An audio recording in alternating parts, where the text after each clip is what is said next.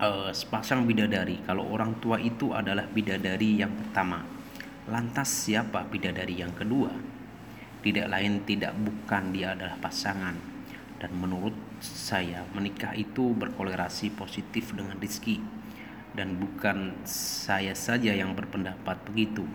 Pengusaha kebab Hendy Stiono juga berpendapat bahwa menikah itu dapat membuka pintu-pintu rezeki kalau Anda masih geleng-geleng kepala meragukan, silahkan dengar langsung pengakuan salah seorang pemimpin asuransi Bumi Putra Bambang Taruno bercerita pada tahun 90-an mulai bekerja di asuransi Bumi Putra. Nah, ketika itu saya sedang mewawancarai seorang karyawati baru.